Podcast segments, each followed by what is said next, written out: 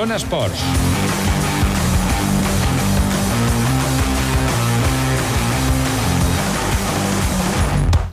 Bon vespre, divendres 30 de desembre de 2016 se'ns acaba l'any, però el Zona Esport segueix aquí. Salutacions de David Domingo a les vies de so. Toni Escura, arrenquem ràpid avui amb una edició reduïda.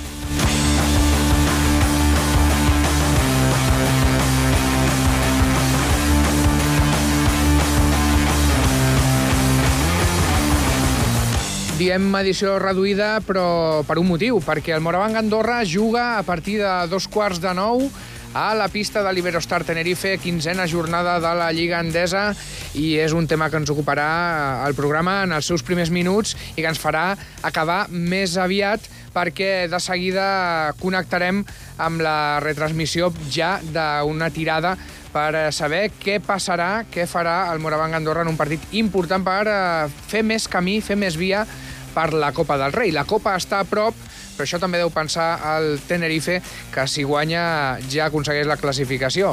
Per tant, duel interessant de dos equips revelació a Tenerife, eh, en aquest cas en una pista complicada i veurem, veurem quina és la mesura que dona el Moravang Andorra que està sent un equip molt fort quan juga a casa, no està aconseguint tants bons resultats quan juga a domicili.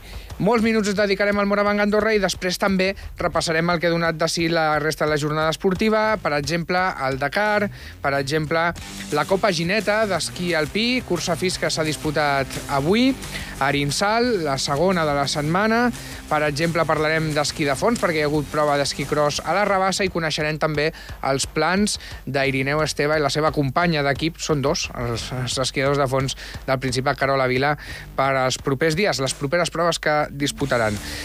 També tancarem amb Sant Silvestre, perquè a tres quarts de deu de la nit hi haurà la tradicional cursa nadalenca, cursa atlètica, cursa popular, i sabrem doncs, les darreres novetats d'aquesta cursa. Nosaltres que arrenquem connectant amb la Laguna, on juga el Moravang Andorra.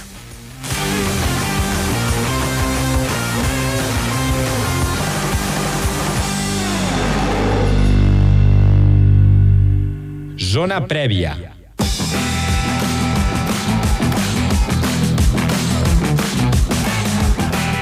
Doncs som-hi, ens hem posat en el modus zona prèvia i prèvia immediata perquè d'aquí menys eh, de mitja hora el Moravang Andorra salta a la pista, juga contra l'Iberostar Tenerife, un partit que pot ser clau per les aspiracions del Moravang de ser a la Copa del Rei.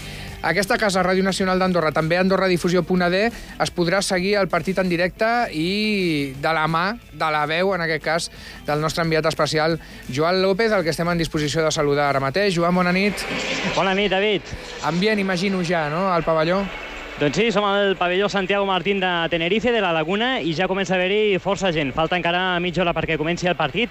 Aquest duel interessantíssim que deies abans entre els dos equips revelació fins ara de la Lliga Endesa, a partir de la quinzena jornada, dos equips amb aspiracions de Copa, Tenerife que ho té gairebé a la butxaca, amb una victòria avui matemàticament ja seria equip de Copa, i el Morabanc també podria ser-ho, però necessitaria una carambola, guanyar avui i que perdessin també en aquesta mateixa jornada el Bilbao i l'Herbalife Gran Canària. De tota manera, una victòria, si no matemàticament, sí que ens deixaria pràcticament a tocar d'aquesta classificació, perquè, recordem, encara queden tres jornades comptant la d'avui per acabar la primera volta. Tenim un darrer partit a casa contra el Real Betis Energia Plus i, per tant, la situació és més que favorable. Venim d'una victòria amb una gran remuntada contra l'Unicaja a Màlaga fa només tres dies i avui l'equip vol, vol aprofitar aquest estat anímic també de molta confiança per intentar doncs, canviar la cara de, de l'equip que fins ara ha jugat fora i que només ha pogut aconseguir una victòria, com deies també, a la pista del Manresa. Per comentar i per fer una mica de prèvia, ens acompanya David, el cap de comunicació del Morabanc Andorra, Gabriel Fernández, a qui saludem. Gavi, bona nit. Bona nit, Joan. Tens bones sensacions per aquesta nit? Tenim molt bones sensacions, una mica connectades amb el que tu deies, no? que venim d'un partit molt bo, que el partit amb l'Unicaja va tenir sensacions pràcticament màgiques per aquesta remuntada, per l'ambient que es va viure, pel rendiment de l'equip i per aquesta convicció que, que van mostrar en tot moment. Per tant, les sensacions són bones. És veritat que fora de casa ens està costant molt més que no pas a casa, on hem guanyat tot, però el nivell de joc d'un equip és el nivell de joc d'un equip i un dia o un altre farem un bon partit fora de casa i jo espero que sigui avui. Això de jugar només, Gavi, en tres dies de diferència a dos partits, és una situació nova per al Morabanc, pot influir una miqueta, no sé com has vist l'equip físicament aquests dies. L'equip està està bé. És un equip amb bastanta gent jove i físicament amb grans capacitats, per tant jo crec que això no ha d'influir per res. A més, jo diria que als jugadors els agrada això, eh? de tenir tants partits, tanta competició. Una mica NBA, eh, això. És una mica NBA, si qui més qui menys eh, sempre preferirà un partit a un entrenament. És veritat que el viatge és llarg, que és el, un dels viatges més llargs de la competició, però no, no serà, jo crec que un factor a enumerar ni a favor ni en contra el fet del desplaçament o el fet de la poca distància entre els dos partits. Sí que és veritat que tenim un jugador tocat que segueix sense acabar de fer net del seu turmell, que és Nacho Martín, s'ha canviat, ha fet la roda i jo crec que està a disposició de l'entrenador, si bé no al 100% de les seves eh, capacitats avui. També avui ens ha passat una cosa, Nacho Martín té el tema del turmell i Oliver Estevich aquest matí s'ha aixecat malament amb la panxa remoguda, no ha vingut a entrenar no, crec que no passarà de ser un contratemps, perquè s'ha canviat, ha fet tota la preparació prèvia al partit i es, es comptarà amb ell, però sí que és una circumstància que ha marcat el dia d'avui. Tenim una primera opció, Gavi, ara comentàvem, de classificar-nos per la Copa si es dona una carambola, no? En aquest cas, les derrotes també del Valle Gran Canari de Bilbao i la victòria del Morabanc avui aquí a Tenerife. No sé si s'està parlant molt de, de la Copa, si és un tema que Joan Penyarroia m'imagino que vol deixar una mica aparcat, com, com s'està vivint tota aquesta prèvia i aquesta il·lusió de, de classificar-nos per la Copa. Doncs es viu amb il·lusió, amb, amb il·lusió i amb naturalitat. Som un club al que per trajectòria, per pressupost, per l'obligació intrínseca de la competició segurament no ens correspon eh, haver d'anar a la Copa del Rei, però si tenim l'opció d'anar-hi ens fa tanta il·lusió o més que a qualsevol dels altres equips que juguen a la competició. Per tant, tenint-ho a tocar com ho tenim, tenint-ho a prop com ho tenim, lògicament seria absurd negar que això a moltíssima gent li fa il·lusió dins el club, els que més, els jugadors i el cos tècnic. Però és que el discurs de Penyarroia té, té un, és, és molt rigorosament cert. És a dir, centrar-se en l'objectiu que podem aconseguir d'aquí tres setmanes necessàriament passa pel partit que tens a continuació, i el partit que tenim a continuació és el d'avui. Per tant, tot passa per guanyar avui. I guanyem, o sigui, si guanyem, guanyarem en una pista de les més difícils de la Lliga davant un rival que està fent una temporada sensacional. Per tant, guanyar avui és molt difícil. Segur que no és impossible, però és molt difícil. Comencem per això. Un Iberostar Tenerife que ara doncs, veiem com els seus jugadors acaben de sortir a la pista per fer ja la darrera ronda d'escalfament. El públic doncs, aplaudeix. Eh, evidentment, un públic que continua arribant a aquest pavelló. Santiago Martín, una darrera qüestió. Gavi, no sé una mica com veus el rival. No tenen a Javi Beirán des de fa un parell de jornades. Ha estat el seu jugador més destacat a l'inici de, de la temporada, però sí que tenen doncs, un equip molt fort, un vell conegut a les seves files, de, de l'afició andorrana, com és el grec Jorgos Bogris. No sé una mica què destacaries del rival d'avui destacaria la convicció amb la que juguen, és un equip molt segur de les seves possibilitats, les coses que fan les fan molt bé, i això els està donant, estan competint al límit sempre, els està donant doncs el que els està donant, que estan a la Lliga molt ben classificats, però que encara ho estaven millor, eh, fa, fa unes setmanes. Ells avui, si guanyen, es classifiquen per la Copa, no depenen de caramboles, i per tant enfoquen el partit com una final, així s'ha vist en tota la informació prèvia que ha generat el partit. A banda d'això, les característiques del rival, doncs té molt bons jugadors a totes les posicions. La baixa de Beirán és important, perquè estava jugant molt bé, això no es pot negar, però han fitxat Taquan Din, ara Taquan Pinheiro, que bé, tenim un mal record d'ell nosaltres, sí. perquè amb el Guipúzcoa ens ha fontrat una I vegada. Tant, I tant. I després, doncs, bueno, figures doncs, en té unes quantes. A Devin White, a Fran Vázquez, per exemple, per citar-ne dos, no? I, i d'altres que, que poden fer molt de mal. Doncs uh, aquesta és la radiografia que ens fa el Gavi. David, no sé si li vols uh, fer alguna al Gabriel Fernández, que t'escolta. No, Joan, només donar-vos una dada perquè, és clar, l'Andorra juga a la Laguna, però hi ha molts més partits interessants i eh, que impliquen arribar als directes de l'Andorra en aquesta lluita. I n'hi ha un que ha començat, perquè ja portem més de 5 minuts del primer quart del partit que juguen al Retabet Bilbao contra el Real Betis Energia Plus i de moment 7 a 16 per l'equip andalús. Això afavoreix els interessos del Morabanc. El bàsquet ja sabem com és, els partits són molt llargs, les coses poden canviar, però de moment aquest partit ha començat amb el Betis molt endollat i si saltés la sorpresa a Miribilla, les coses encara es posarien molt millor. Doncs el Bilbao que, que juga a la seva pista, el partit que acaba de començar, però de moment per sota del marcador, i recordem també l'altre rival directe, el Valle Gran Canària, també rep avui a la seva pista el Divina Seguro Joventut. Per tant, una jornada en la que haurem també d'estar pendent dels altres marcadors de la jornada per si hi hagués oportunitat que es donés aquesta triple carambola. Gabriel Fernández, que no retenim més, que, que tens molta feina ara prèvia i durant el partit, també amb el tuit, amb les xarxes socials de, del club. Moltíssimes gràcies per acompanyar-nos i que sigui una gran nit. A vosaltres, Joan. Doncs a David ens quedem nosaltres en aquesta prèvia, queden ja cada vegada, doncs això, 19 minuts perquè comenci el partit aquí a la Laguna, al pavelló Santiago Martín, i el públic que continua arribant, com diem, en aquesta instal·lació amb capacitat per a 5.000 espectadors. Hem fet una mica la prèvia del partit i el que deies, haurem d'estar doncs, molt pendent també dels altres marcadors de, de la jornada durant la retransmissió. Nosaltres, Joan, et deixarem descansar una miqueta perquè ara has d'agafar forces eh, i tornar doncs, amb la gola ben afinada per intentar retransmetre, per què no, la victòria del, del Moravang Andorra aquí a la pista Libero Star Tenerife. Per tant, d'aquí ben poc els, eh, els oients et tornaran a escoltar ja directament amb la prèvia més immediata del partit i a mi només em queda desitjar-te, com es diu al l'argot, bona retra, eh? que nosaltres ho diem així, bona retra i que les coses li vagin bé al Moravang Andorra. Doncs moltíssimes gràcies, David, i ens tornem a sentir ara. Molt bé, Joan, fins ara. Fins ara.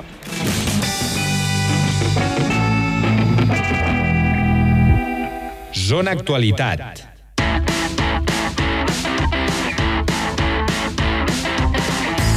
No trigaran gaire a tornar a escoltar la veu del Joan López, el nostre enviat especial a la Laguna, a la pista de l'Iberostar Tenerife. Ara el que farem nosaltres és condensar el que ha passat durant la jornada esportiva del Principat en, en un bloc abans de que arribi la prèvia ja i la connexió ininterrompuda amb la Laguna, amb aquesta retransmissió en directe, com, com estem dient, de l'Iberostar Tenerife Moravang Andorra.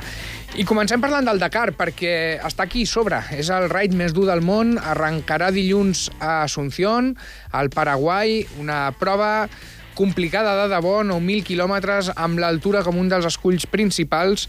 La meitat de les 12 etapes seran per sobre dels 3.000 metres d'altura i això afecta mecàniques, afecta pilots, no ens cansem de repetir-ho. Allà, els competidors del Principat, doncs que ja s'han anat desplaçant durant la setmana, han anat eh, des del dilluns passat, des d'aquest dilluns fins a final de setmana, doncs, direcció a Buenos Aires, direcció a Asunción, que és d'on surt el, el Dakar. El que passa és que molts pilots han hagut de recollir material, recollir vehicles a Buenos Aires. I ara escoltaran a Cristian Espanya, que és un dels eh, pilots del país. Ell afronta el seu segon Dakar amb motos, estarà el, pilotant una KTM i el seu objectiu, l'any passat no va poder acabar, el seu objectiu és acabar acabar en aquesta segona participació amb una mica més d'experiència. Cristian Espanya, que està al Vivac, i ens explica una mica aquestes primeres sensacions des d'Asunción.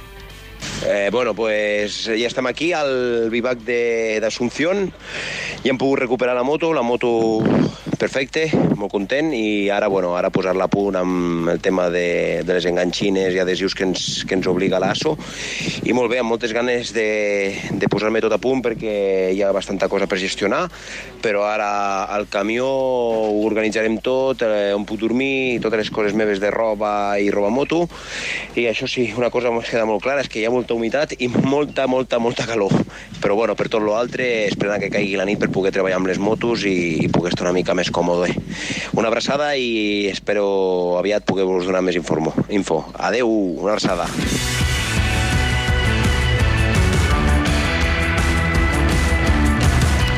Doncs les paraules de Cristian Espanya, un bon testimoni del que va succeint al Dakar en la intrahistòria, podríem dir, dels participants, perquè de moment encara no ha arrencat la competició. Parlem ara d'esquí alpí, de la Copa Gineta, segona prova de la setmana, prova a FIS, en aquest cas a Arinsal, i en participació d'un bon gruix d'esquiadors del Principat, dels esquiadors andorrans. Avui era un slalom FIS, com dèiem, i en categoria masculina hi ha hagut posició de podi per al Cel Esteve, ha quedat tercer classificat a un segon i 13 centèsimes del vencedor, el català Joaquim Salaric. Just al darrere seu ha quedat Jos Alairac, han estat els dos millors andorrans. Escoltem el que ens deia l'Axel Esteve. No era fàcil, hi havia forats, així que havies d'anar una mica lluny de la porta per, per realment tallar i bueno, hem fet el que hem pogut. No estic del tot del tot content, però, però bueno, s'ha de seguir treballant. Ha en, a quarta posició, com hem dit, Jos Alairac, que també parlava de les seves sensacions en la prova, com li havia anat la cursa. Porto dies que estic esquiant molt bé, sòlid, el que més intento és arribar baix i anar el millor que puc. Sí que estic en una època que estic fallant molt, però bueno, ara he arribat, més o menys he fet dos mànigues mig netes i bueno, estic quart. En categoria femenina també hi ha hagut podi, segona posició per Carmina Pallàs, a 84 centèsimes de la catalana Núria Pau, i bé, ha estat un slalom en què Candelaria Moreno ha estat eh, líder en la primera mànega. Al final ha tingut una segona mànega, podríem dir, no bona, i no ha pogut eh, doncs, aconseguir aquesta posició. De fet, ha quedat desqualificada perquè en la darrera porta doncs, eh, l'ha passat pel mig, tal qual. Tal qual ho diem, l'ha passat pel mig. Ha fet el cavallet a la porta. Escoltem a Carmina Pallàs parlant de la seva actuació. D'eslàloms ja ho vaig dir ahir, no n'he fet gaires i el meu objectiu era arribar. He arribat els dos dies i m'he pogut baixar els punts, amb la qual estic molt contenta amb això. I Núria Paula, vencedora, la catalana. La Canta ha fet molt bona primera màniga i això ens ha deixat una mica descol·locades perquè és jove i la veritat és que ha esquiat molt i molt bé, molt ràpid i Candelaria Moreno, com diem, molt jove, 16 anys, per tant, una sorpresa, com, com deia ara mateix Núria Pau, que estigués primera al final de la primera mànega, parlant també d'aquests nervis que l'han traït a la segona. Estava una mica nerviosa, s'ha de reconèixer, i bueno, em quedo amb, amb que ja ho he aconseguit, he pogut guanyar la primera, i bueno, he sortit ja tota del revés, he perdut el pal al principi, l'he pogut recuperar, després he recuperat una mica el ritme, i després he tornat a, a pifiar aquí baix i finalment he acabat per passar l'última porta a Caballito.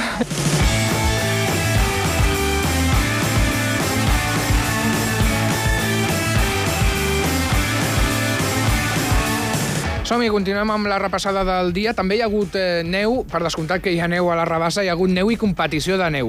Esquí Cross és la tercera edició que organitza Anna Turlàndia, organitza el Nordic Ski Club, i mm, és una prova diferent de l'habitual, una prova que no és eh, d'esquí de fons convencional, perquè el que es demana als participants és que siguin hàbils sobre els esquís i que puguin eh, gestionar certs obstacles, certes dificultats, com per exemple doncs, girar-se d'esquena enmig de la cursa cursa al passar per enmig d'unes banderes o, per exemple, fer trams en què havien d'aixecar un dels esquís, per tant, esquiar amb una sola cama, també eh, girs més pronunciats de l'habitual, eh, fins i tot salts.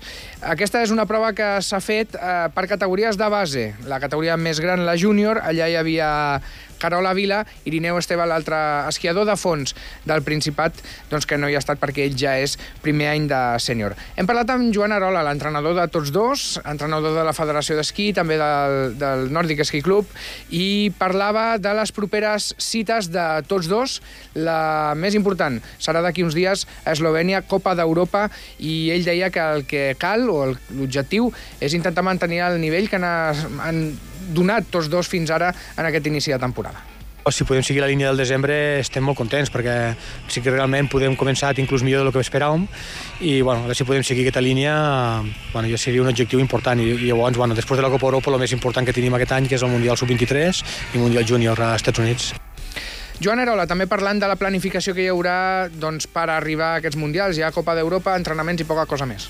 Fem Eslovènia, vindrem aquí a casa, farem la concentració amb alçada aquí a la Rabassa, perquè tenim bones condicions i, i a part, bueno, si estem a casa millor que està fora, i el dia 19 marxarem cap allà. Fem uns 7 o 8 dies allà, fem una carrera FIS, i llavors ja ens passem a Salt Lake City i fem les mundials. I hem parlat amb el tècnic precisament d'aquest esquí cross, d'aquesta modalitat d'una prova que és una mica diferent de l'esquí de fons convencional, com dèiem, i que bé, que resulta divertida i resulta maca de veure. Sí, bueno, de fet aquesta modalitat ja a l'Olimpiada Juvenil que es va fer l'any passat i és una modalitat que fan pels nens petits a tot arreu, eh? Llavors, bueno, es, es, es, es fiquen diferents aspectes tècnics dintre de la cursa, no? com eh, giros, salts, bots, bueno, hi ha molts aspectes tècnics i duren 4 o 5 minuts la cursa i bueno, és una cursa pues, molt divertida per ells.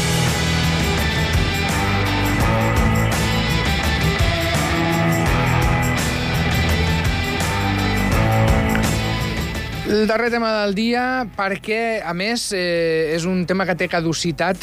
Aquesta nit, a tres quarts de deu, arriba la Sant Silvestre Laurediana, la Sant Silvestre de Sant Julià de Lòria, cursa, darrera cursa atlètica de l'any al Principat, una cursa popular, una cursa tradicional, amb rècord de participació, si tenim en compte doncs, les darreres edicions en què hi ha hagut inscripcions pel mig, més de 800 inscrits i, per exemple, sense anar més lluny, l'any passat van ser 600 i escaig. Per tant, satisfacció entre els organitzadors d'una Sant Silvestre que fa molts anys ja havia tingut cartell amb atletes de renom que arribaven aquí i competien i ara és més popular, més, més popular i segurament sense tants bons atletes, però igualment concorreguda.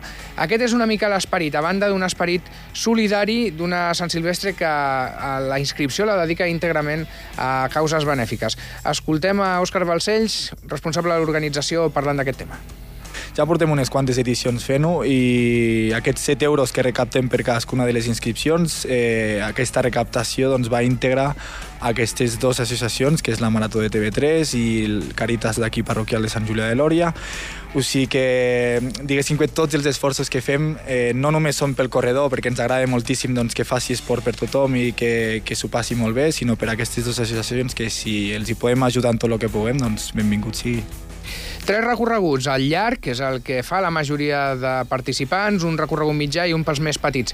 I un nom propi, Abdeslam Lua, és un atleta que és resident a Puigcerdà, però té fitxa amb el Club Esportiu Sant Julià i que ha guanyat les darreres sis edicions. Per tant, tornarà a ser-hi, tornarà a ser el favorit d'una Sant Silvestre que mm, un dels seus tres distintius és donar una panera amb un lot de Nadal a cadascun dels seus participants.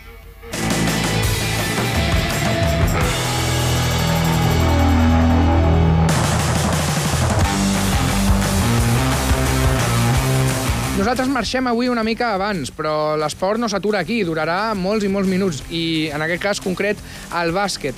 Es deixem amb la retransmissió de l'Iberostar Tenerife Morabanc Andorra, quinzena jornada de la Lliga Endesa, molt en joc pel Morabanc Andorra, la Copa del Rei està a prop, però s'ha d'acabar de certificar. Es deixem amb la veu de Joan López i aquesta retransmissió, nosaltres, el Zona Esports, torna la setmana vinent puntual com sempre.